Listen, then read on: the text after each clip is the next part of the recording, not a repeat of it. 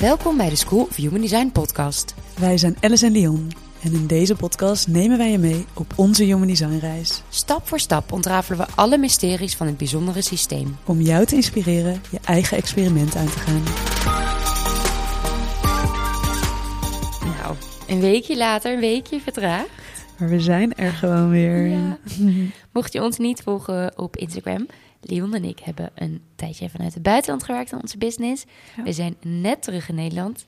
Maar we hadden ook net niet genoeg afleveringen om eh, elke twee weken eh, live te gaan. Dus ach, vandaar een beetje vertraging. Precies. Maar we zijn er weer en deze keer vanuit ons vertrouwde kantoor in Amsterdam. We hebben de vogelgeluiden op de achtergrond eh, ingeruild weer voor langsrazende vrachtwagens. Mhm. En deze keer gaan we praten over anderen advies geven. Want waarom doen we dat zo graag? En waarom kun je dat nou ja, soms wel, maar ook soms beter niet doen? En als je dat dan doet, hoe kun je dat dan het beste doen? Ja, wat wij om ons heen zien en horen. Oké, en waar we onszelf ook wel schuldig aan hebben gemaakt. Niet alleen hebben, maar nee, het gaat een stuk beter. En als we het doen, dan doen we het bewust en we proberen het zo min mogelijk te doen. Maar dat is wel echt een valkuil Ja, inderdaad. nou, dat is dus op het moment dat je de basisbeginselen eh, van Human Design leert kennen, niet alleen je eigen design induikt, maar ook gelijk kijkt naar de designs van de mensen om je heen. Dus je familie, je vrienden, ouders, bijzonder je partner of je, of je dates. Ja, dat is echt een heel goed slachtoffer voor dit soort dingen. En ergens helpt het ook, want juist door ook die designs van anderen te zien, gaat het ook meer leven. Je gaat meer de verschillen zien. Hè? Waarom werkt het voor jou wel zo en niet zo? En ook de mensen die het dichtst bij je staan, dat zijn ook de mensen die je het beste kent. Dus dit, het is best logisch, maar Mhm. het is wel goed om je een aantal dingen te beseffen. Ja, want wat we doen op het moment dat we het design van iemand anders zien, is dat we vaak iemand gaan labelen. Eh, dat we denken dat je, dat je iemand snapt, misschien soms nog beter dan die persoon zichzelf snapt. Want kijk maar, je design dat dit en dit en dit zien. Ja. En ja, je gaat goed bedoelde adviezen geven. Ja, want hoe goed bedoeld die adviezen ook zijn en hoe waar ze misschien ook zijn. eh, ze komen uit een hele liefdevolle plek vaak. Maar we vergeten soms een beetje dat we ook gewoon mensen zijn. En hoe zuiver we ook proberen te zijn, hoezeer we ook ons best daarvoor doen. We ontkomen er niet aan dat we de ander altijd zien door onze eigen bril. In die zin is er gewoon geen waarheid of geen werkelijkheid. Eigenlijk alleen maar onze perceptie daarvan. En de regel is een beetje hoe meer belang je eigenlijk eh, zelf hebt bij die nou ja, verandering van die ander, Mhm. hoe moeilijker het eigenlijk wordt om die ander zuiverder te zien. Wat gebeurt is dat we heel vaak voorbij ook gaan aan de beleving van die ander. Dus waar is die ander op dit moment in zijn proces? Ja, of welke kant gaat die ander eigenlijk op? Ja. Ja, kijk, als je naar, je naar de relaties kijkt die je hebt gehad, ik denk dat velen van ons toch herkennen dat we ooit in een relatie hebben gezeten waarbij we de ander stiekem probeerden te veranderen.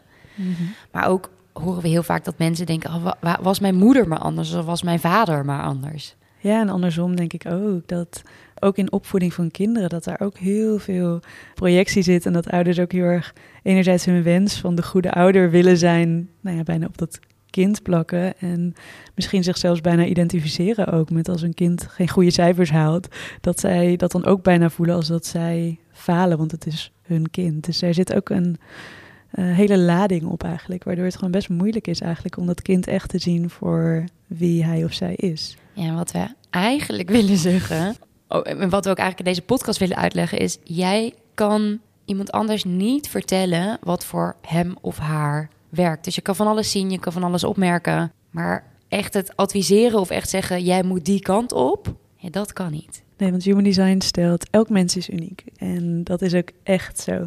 Dus wat voor jou werkt, werkt niet voor de ander. Nou ja, dat is natuurlijk wat we in het design ook heel erg terugzien. Maar uiteindelijk gaat het ook echt om voelen wat werkt voor jou en voor jouw systeem. En ook al weet je wat voor type iemand is, wat zijn of haar autoriteit is. En dus ook een beetje, nou, het geeft een idee over hoe het systeem van iemand werkt. Ja. Je weet inderdaad niet wat de stappen zijn eh, die deze persoon moet maken of afleggen, of het pad wat diegene eigenlijk aflegt, om zijn of haar energie het beste te eren en om de juiste keuzes te maken. En welke lessen mag iemand nog leren om daar te komen? Misschien is het niet voor vandaag, misschien is het niet voor morgen en misschien zelfs niet voor dit leven. Nee, kijk, en uiteindelijk gaat het niet om het weten. Human design gaat niet om alle kennis hebben en weten hoe iets werkt, maar het gaat echt om, we kunnen het niet vaak genoeg zeggen, het voelen en het ervaren, het hele experiment aangaan. Ja, en dat, dat kan iemand alleen maar zelf. En mocht jij nu denken, hoe zit dat dan met readings en sessies? Wij geven natuurlijk ook readings en sessies. Geef je dan ook niet de hele tijd advies? Ja, dat doen we wel. uh, ik denk dat een aantal dingen daarbij belangrijk zijn. De eerste is, het is gewoon heel belangrijk dat het op het juiste moment komt. Dus dat iemand als het ware energetisch in alignment is om deze kennis ook te ontvangen. Nee, dat is bijvoorbeeld ook een reden waarom wij best voorzichtig zijn wanneer uh, mensen ook designs voor anderen opvragen of bijvoorbeeld cadeaus geven. We hadden het toevallig vandaag nog over dat het voor ons soms ook best moeilijk is om eigenlijk in te tunen op iemand als diegene niet zelf die sessie of die reading heeft geboekt, omdat diegene eigenlijk energetisch nog niet aan het ontvangen is. Of die, die weet eigenlijk nog niet dat dat eraan komt. Terwijl het echt heel belangrijk is dat diegene er echt voor open staat. Omdat dat ook het moment is. En daar mag je dan ook op vertrouwen. Dus dat eigenlijk alles op het juiste moment op iemands pad komt. En uh, hoe graag we dat soms ook willen om invloed uit te oefenen op onze omgeving. Ja, er zijn heel veel redenen voor. Een stukje ja, manipuleren bijna. We willen onze mhm. omgeving soms ook een beetje vormen. En dat komt ook heel erg vanuit een bepaalde overleving of een bepaalde veiligheid in onszelf die we zoeken. Maar ik denk dat het heel goed is om je altijd te realiseren van je kunt de evolutie of het pad wat iemand anders hier komt afleggen, dat kun je niet versnellen, je kunt dat niet veranderen. Je kunt erbij helpen, maar je kunt het niet sturen of veranderen en al helemaal niet controleren. Nee, en wat ik dan wel een interessante vraag is, want wat gebeurt er dan als iemand hier dus echt niet voor open staat? want hoe liefdevol bedoeld ook, besef je dat als je met een advies naar iemand toe komt, vaak ziet diegene niet die liefdevolle intentie die erachter zit. Dus die ziet niet, oh wat leuk, je komt me helpen, maar die ziet eigenlijk vooral, oh, hè, ik moet iets veranderen. Oh, hè, ik doe dus iets niet goed. Of ik ben niet goed zoals ik op dit moment ben. En dat is niet echt een hele fijne energie. Van waaruit je heel ontvankelijk bent, normaal gesproken, om die boodschap ook te ontvangen. Nee, precies. En ik denk dat helemaal projectors dit vaak zullen, zullen ervaren. De projectors die, weet je, vanaf die hoge boom precies zien wat er allemaal speelt en precies zien wat er niet stroomt en wat er nodig is. Maar wij zeggen wel eens vaker, dan sta je daar met je pakketje met uh, liefde of je pakketje met goed bedoelde adviezen. Mhm. Maar je bent nog niet uitgenodigd, dus sta je voor een dichte deur. En dan voel je die verbittering van waarom ziet niemand mij? Want ik bedoel het zo goed en ik wil, ik wil zo graag, ik wil je zo graag helpen. Maar als iemand daar niet klaar voor is, ja, een dichte deur of de deur zien dicht smijten voor je. Ja, dat is ook niet wat je wilt. Nee, en er is ook een, een andere duidelijke reden waarom dit uh, nou ja, niet altijd zo, zo werkt. En dat komt omdat we allemaal een inner criticus hebben. Dus een stemmetje waarmee we eigenlijk onszelf al de hele dag door op een bepaalde manier in meer of mindere mate veroordelen. Mhm. Eh, je bent niet mooi genoeg, je bent niet slim genoeg, je werkt niet hard genoeg. Uh, dingen moeten beter, mooier, groter. Altijd meer. en op zich is daar, op zijn tijd is daar ook niks mis mee. Hè? Want het houdt je scherp en het laat je groeien. Als je het maar op de juiste manier inzet. Bijvoorbeeld mensen met poort 17 of 18. 17 gaat over opinions, dus echt over mhm. meningen. 18 gaat over corrections. Als je dat in je design hebt, ik heb ze allebei, dus ik uh, kan uit ervaring spreken. Uh, dit is heel erg een energie die gericht is op het, het is een collectieve energie eigenlijk. Die is gericht op het mooier en beter maken uh, van de wereld om je heen. En dus zul je zien dat je met altijd met, met die bril ook kijkt. Dus wat kan er beter? Wat kan er mooier? En het lastige is dat we als we in ons not zelf zitten, dat we sneller geneigd zijn om die bril, nou ja, als het ware, naar binnen te projecteren. En dus de hele tijd ook in ons leven te focussen op datgene wat nog niet perfect is, of datgene wat beter kan. En daarmee verliezen we soms een beetje het grotere doel, als het ware, uit het oog.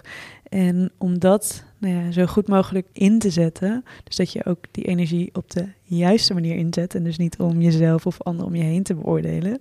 Dat is heel logisch dat dat gebeurt, omdat je nou eenmaal gewoon ziet hoe iemand anders zijn leven makkelijker, beter of mooier kan. En dat wil je graag vanuit liefde delen. Maar zorg dat je daarvoor altijd je strategie en je autoriteit volgt. Zodat je dit ook echt op een constructieve manier kunt inzetten. Ja, en die inner criticus, die kun je natuurlijk ook projecteren op een ander. Ik denk dat veel mensen wel zullen herkennen dat ze in een relatie hebben gezeten, of misschien eigenlijk ook nu wel zitten, waarin ze heel veel veranderingen van een ander verwachten. Toen ik ehm, met mijn huidige partner een relatie kreeg, toen nou, waren er eigenlijk bepaalde voorwaarden waar de relatie aan moest voldoen. Ik wilde heel graag dat hij zo en zo en zo was en dan zou het perfect zijn. Ik was super verliefd, Mhm. maar iets hield me tegen, want ik wilde dat de relatie aan bepaalde voorwaarden eh, voldeed. Ik zag dat hij bepaalde punten in zijn design niet helemaal leefde, dus als dat zou veranderen. Nou, we zijn uit elkaar gegaan en we zijn een paar maanden later opnieuw een relatie met elkaar gestart. Toen ben ik gaan denken, oké, ik weet hoe hij is. Ik ga niet, ik heb mijn verlangens en ik ga kijken welke groei er mogelijk is in deze relatie. Maar ik stap er zonder voorwaarden in. Ik ga niet die inner criticus zijn op hem. Mhm. Ik ga niet de hele tijd bezig zijn met die ander en met wat die ander kan verbeteren. Ja, ik moet eigenlijk alleen maar bezig zijn met mezelf. Ja, heel mooi. En ik denk dat we het ook allemaal in een bepaalde mate kennen van dat we ook heel erg geneigd zijn om te vallen op een, op een potentieel.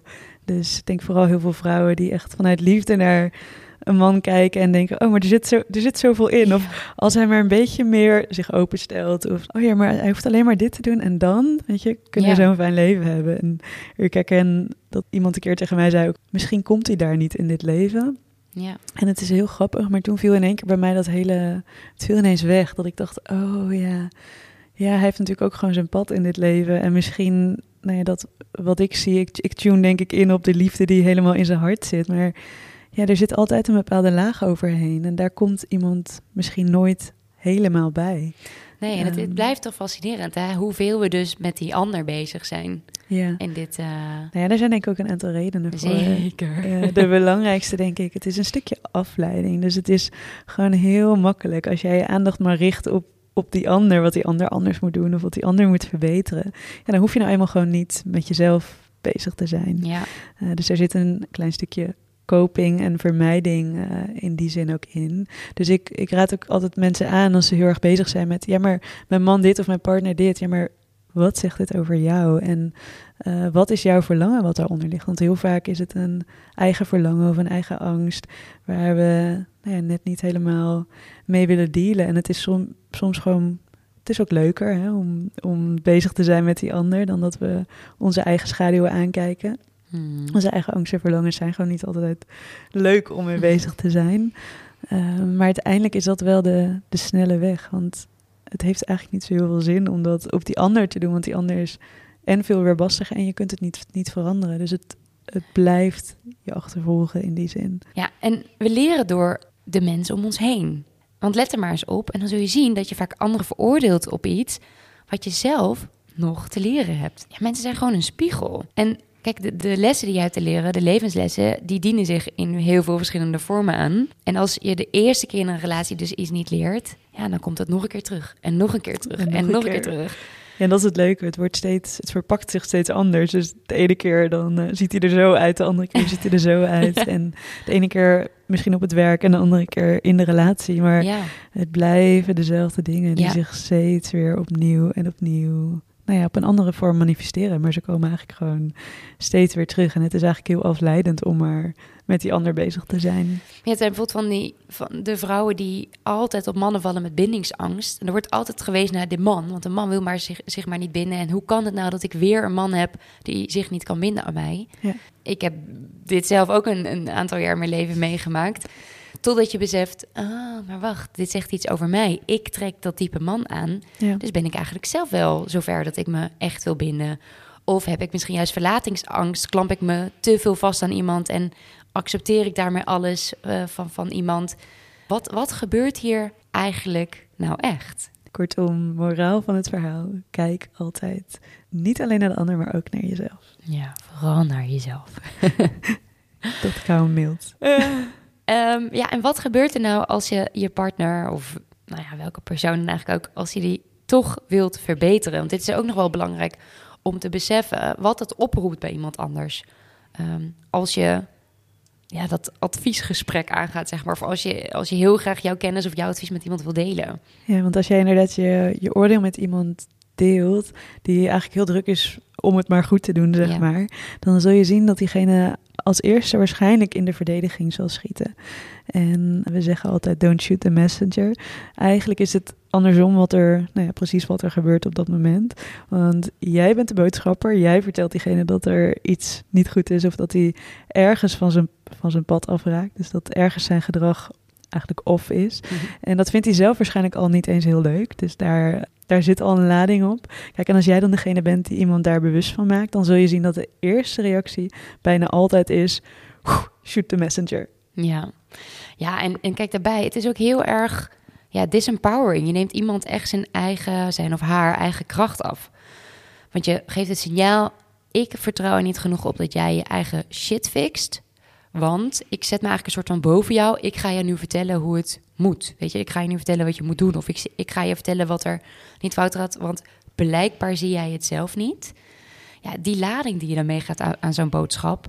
Ja, dat doet niet echt heel veel goed met een ander. Nee, het is niet echt een fijn gevoel om te krijgen. En het allerbelangrijkste, je ontneemt diegene daarmee ook echt de kans om zijn of haar eigen gedrag aan te passen. Kijk, want jij komt er dan als een soort van stoorzender tussen. Dus mhm. diegene raakt ook afgeleid daardoor. Uh, en zoals we aan het begin al zeiden, iedereen heeft die inner criticus. Dus die heeft diegene zelf ook. En dit is precies wat ons het vermogen brengt om ons leven te beteren of om ons gedrag te veranderen. Oftewel, dit is iets wat er nodig is. Kijk, en in een relatie vorm je eigenlijk een nou ja, ik weet niet of je het een symbiose moet noemen, maar in een bepaalde mate uh, smelt je toch een, een soort van samen. En als jij in datgene wat jullie samen creëren eigenlijk overneemt. Wat je doet is dat je eigenlijk je partner ontneemt om dit zelf te doen. Dus als jij kritisch gaat zijn naar die partner, dan heeft die partner eigenlijk het gevoel dat hij extra mild naar zichzelf moet zijn. In plaats van dat diegene zelf opstapt en er zelf wat aan gaat doen. Dus je duwt hem als het ware in de slachtofferrol. En dat zie ik bijvoorbeeld ook wel terug in, in mijn relatie nu, die nu zo is veranderd. Omdat hij in een criticus stil is mhm. op hem. Ehm, geef ik hem echt het gevoel van, ik vertrouw je. Wij gaan dit samen aan. Ik vertrouw dat jij jouw pad volgt, ik volg mijn pad. In de hoop dat wij voor altijd dezelfde kant op zullen gaan met z'n tweeën. Mhm. Ehm, maar ik laat los dat het precies op mijn manier moet gaan. Of op de manier dat ik denk dat het beste is voor jou. Ja. Ehm, niemand is hier slachtoffer. We zijn hier beide. We mogen beide onze verlangens volgen. Mhm. En echt vanuit liefde. Als hij iets vraagt, iets wil weten over zijn design, dan, dan vertel ik het heel graag. Dan laat ik hem zien wat zijn design laat zien. Maar ik ga niet meer inderdaad die die boze. Nou, ik voelde me soms een beetje zo'n juffrouw die hem ging vertellen. ja, en ook, ik vond net wat je net ook zei, is ook wel een mooie inderdaad over dat je jezelf daarmee ook boven iemand plaatst. Dus het is ook niet een gelijkwaardige relatie dan meer. En ik, ik denk dat dat sowieso nooit, nooit bevorderlijk is voor een enkele relatie. Dan ga je eigenlijk naar een scheve scheve verhouding als het ware ook. Ja. Maar goed, we hebben ook allemaal die neiging. Hè? Stel dat je projector bent of als je bijvoorbeeld een lijn, 5, in je profiel hebt. Nou ja, of om andere redenen, we blijven gewoon uh, sociale mensen. Allemaal hebben we wel een bepaalde mate dat we energie krijgen of gewoon heel graag anderen willen helpen. En nee, daar is ook niks mis mee. Maar als je dat dan wil doen, hoe doe je dat dan wel? Hoe kun je dat dan het beste doen? Ja, we kunnen niet vaak genoeg zeggen. Strategie en autoriteit, dat is gewoon het allerbelangrijkste. Dus ook hierbij check eerst in of jij echt vanuit alignment je boodschap brengt. Ja, en zeker in dit geval een hele belangrijke daarbij. Als jij een emotional authority hebt, wacht dan altijd even. Nou ja, bij wijze van slaap een nachtje, dat kan niet altijd. Maar neem even de tijd om de ergste emotie af te wachten. Want helemaal in een relatie ja. of in een ruzie waarbij de emoties hoog opspelen, dan is alles in het moment heel belangrijk. Maar vaak zul je zien dat als je even uit die ergste emotie stapt, als je er op een later moment op terugkomt, als je het een dagje later doet, dat dat verschil al heel veel uitmaakt. Omdat je dan even de heftigste emoties eraf hebt. En ik vind dat het eigenlijk ook wel geldt voor mensen met een open emotional center. Omdat zij, ik bijvoorbeeld dan ook, wij nemen zoveel emoties tot ons van anderen. Ja. Nee, dat gaat voor iedereen. Ja, voor iedereen. Dus ook zij een nachtje slapen. Nooit vanuit emoties ineens iets roepen. Ja. Slaap een nachtje over en check dan in ehm, bij je autoriteit. Blijf ook je strategie volgen en bedenk echt... Ja, deel ik dit echt vanuit een liefdevolle plek? Mhm. Of ben ik nu even iets uh, op de andere aan het projecteren... op de andere aan het gooien, op de andere aan het pushen. Ja, daar zit gewoon een heel groot verschil in. Wij zeggen ook altijd tegen elkaar, altijd eerst terug naar alignment. Ja. Dat is eigenlijk onze, onze vaste basisregel. Eigenlijk bijna, dat is ook het, het stukje volgens mij, ik weet niet waar het vandaan komt, maar um, in plaats van dus reageren en Dus don't react, but respond. Dus dat je inderdaad niet direct reageert in het moment, maar dat je inderdaad echt even terug gaat naar jezelf en vanuit daar met een antwoord komt of vanuit Ja. daar met een Ja. response komt. Ja, heel mooi. Ja, en vervolgens hebben we ook nog een advies wat zegt: wees voorzichtig in de manier waarop je die ander benadert. Dus in plaats van dat je zegt: hey, eh, je doet dit te veel of te veel dat, of zou je niet stoppen met eh, roken, gezond, ongezond eten, of moet je niet minder eten? Heb je dat dan nog steeds niet gedaan? Heb je nou nog steeds die vuilnis die buiten gezet? Nee, je voelt wel, we maken er een beetje geitje van, maar in energie voel je al dat je denkt: oké, je voelt meteen een beetje aangevallen. ja. Ja, is het advies: blijf open en blijf oprecht geïnteresseerd in elkaar, in de ander en in, ja, in dat mooie proces. Ja, en, en ga er ook inderdaad vanuit dat iedereen altijd het goede wil doen. Dus wees oprecht benieuwd naar, hé, maar wat brengt jou ertoe om dit te doen? Wat beweegt jou? Ook de meest slechte acties, gewoontes, komen niet voort uit die intentie om slecht te zijn. Soms, nou ja, misschien heel soms wel, maar dan, Ja. je bent, laten we ervan uitgaan dat je met iemand samen bent, omdat die persoon in de basis een goed persoon De is. meeste mensen deugen, toch? Laten we. Ja, toch? Ja, dus Ja. wees ook oprecht benieuwd van... hey, is er een reden dat je dat op deze manier doet? Of hey, hoe werkt dat eigenlijk voor jou? Of hoe, hoe voelt dit voor jou Ja, als, je, het? als je dit doet? Heb je dat bewust zo gedaan? Of wil je daar iets over delen? Dat is ook een mooie, vind Ja. ik altijd. Zeker. Ja, en hiermee help je eigenlijk de ander pas echt. Want je creëert, eh, je brengt bewustzijn. Je maakt die ander bewust van zijn of haar gedrag. Ja, en met een beetje geluk kun je daarmee zelfs tot de oorzaak komen. Maar dat Ja. moet niet eens het doel zijn. Het moet erom gaan dat je oh ja, op een open ni- manier met elkaar in gesprek gaat. En het stukje bewustzijn is wel een mooie. Want eh, ik, ik had deze week een, eh een reading sessie. En toen zei iemand ook van ja, mijn onderbuikgevoel, ik voel het altijd wel, maar ik luister er niet altijd naar. Nou ja, dat is iets wat we heel vaak horen. En toen zei ik ook van, ik zei ja, sorry, ik, zo, ik heb het nu in je, in je bewustzijn gebracht. En nu weet je hoe het werkt. Dus nu kun je er eigenlijk niet meer onderuit. en toen zei ze, oh ja, dit is wel echt zo hè. Ik zei ja. En toen zei ze, oh, maar dit is dus ook waar de verandering zit. En toen zei ik, ja, dit is precies waar Ja. de verandering zit. Want dit maakt zo'n sessie ook zo transformatief. En, en ook human design als tool. Het is niet het, het volgen nu van die tool, maar het gaat inderdaad echt om dat stukje bewustzijn wat we creëren. Waardoor we nou ja, ons dus ook bewust zijn als we iets doen wat niet in alignment is. En dat wordt op een gegeven moment steeds moeilijker. Ja, je kunt, je kunt steeds moeilijker wegkijken, omdat het steeds Mhm. duidelijker wordt. En ja, dat vind ik wel een hele mooie manier om het op die manier te zien. Dus het is, je brengt iets in het bewustzijn, maar je hoeft niet... Je hoeft ja. verder niet echt iets te doen. Nee, ik zit dan- een beetje als iemand die, zit, die is een trein aan het besturen, die zit op een bepaald spoor en je hoeft diegene niet een blok voor zijn neus te zetten waardoor hij niet meer rechtdoor kan. Maar je Mhm. kunt eigenlijk gewoon laten zien van met een richtingaanwijzer bewijs van hé, hey, als je het zo doet, Mhm. zou dit niet beter zijn voor jou? En dat iemand dan zelf kan bepalen van, oh, misschien moet ik eens kijken als ik naar rechts ga wat er dan gebeurt. Misschien is het inderdaad wel beter. En dan komt het ook vanuit diegene zelf. Dus dan zit er ook die energie erachter. Eh, in plaats van dat jij inderdaad aan een dood paard of aan een nou ja, vastgelopen trein gaat lopen Ja, gaat trekken, trekken. om die vooruit te krijgen. Ja. Er zit een heel andere energie achter. Ja, dus in plaats van aannemers doen, aannames doen, mag je ja, echt verwachtingen gaan loslaten. Dus begin een gesprek met: hey, jouw design laat eh, dit en dit zien. In plaats van: oh, je bent echt zo en zo. Je bent zo. Ja. Ja. Of ehm, jouw design laat zien dat je een sterke drive of wilskracht hebt. Voel jij die ook echt? Eh, jouw design laat zien dat je gemaakt bent om dingen op te starten en niet per se af te maken. Voel je hier weerstand, weerstand bij of geef je dit juist rust? Of bij mij bijvoorbeeld, mijn design laat zien dat ik leer via struggle. Maar bij andere mensen vragen we, oh, lucht dit je op? Of heb je het gevoel dat het niet kloppend is voor jou? Dus niet Ja. invullen, maar vraag gewoon open wat de beleving is van een ander. Ja, want dat is ook waarmee je uiteindelijk connect. Want dat is uiteindelijk wat we allemaal willen. De reden dat we vaak ook willen dat die ander verandert, is eigenlijk alleen maar omdat we die ander dichterbij willen laten komen. En Ja. door die ander nou ja, vanuit onze eigen ivoren toren als het ware te beoordelen, maak je die afstand tussen jou en die ander alleen maar groter. Terwijl het enige wat je diep van binnen wil, is die afstand verkleinen.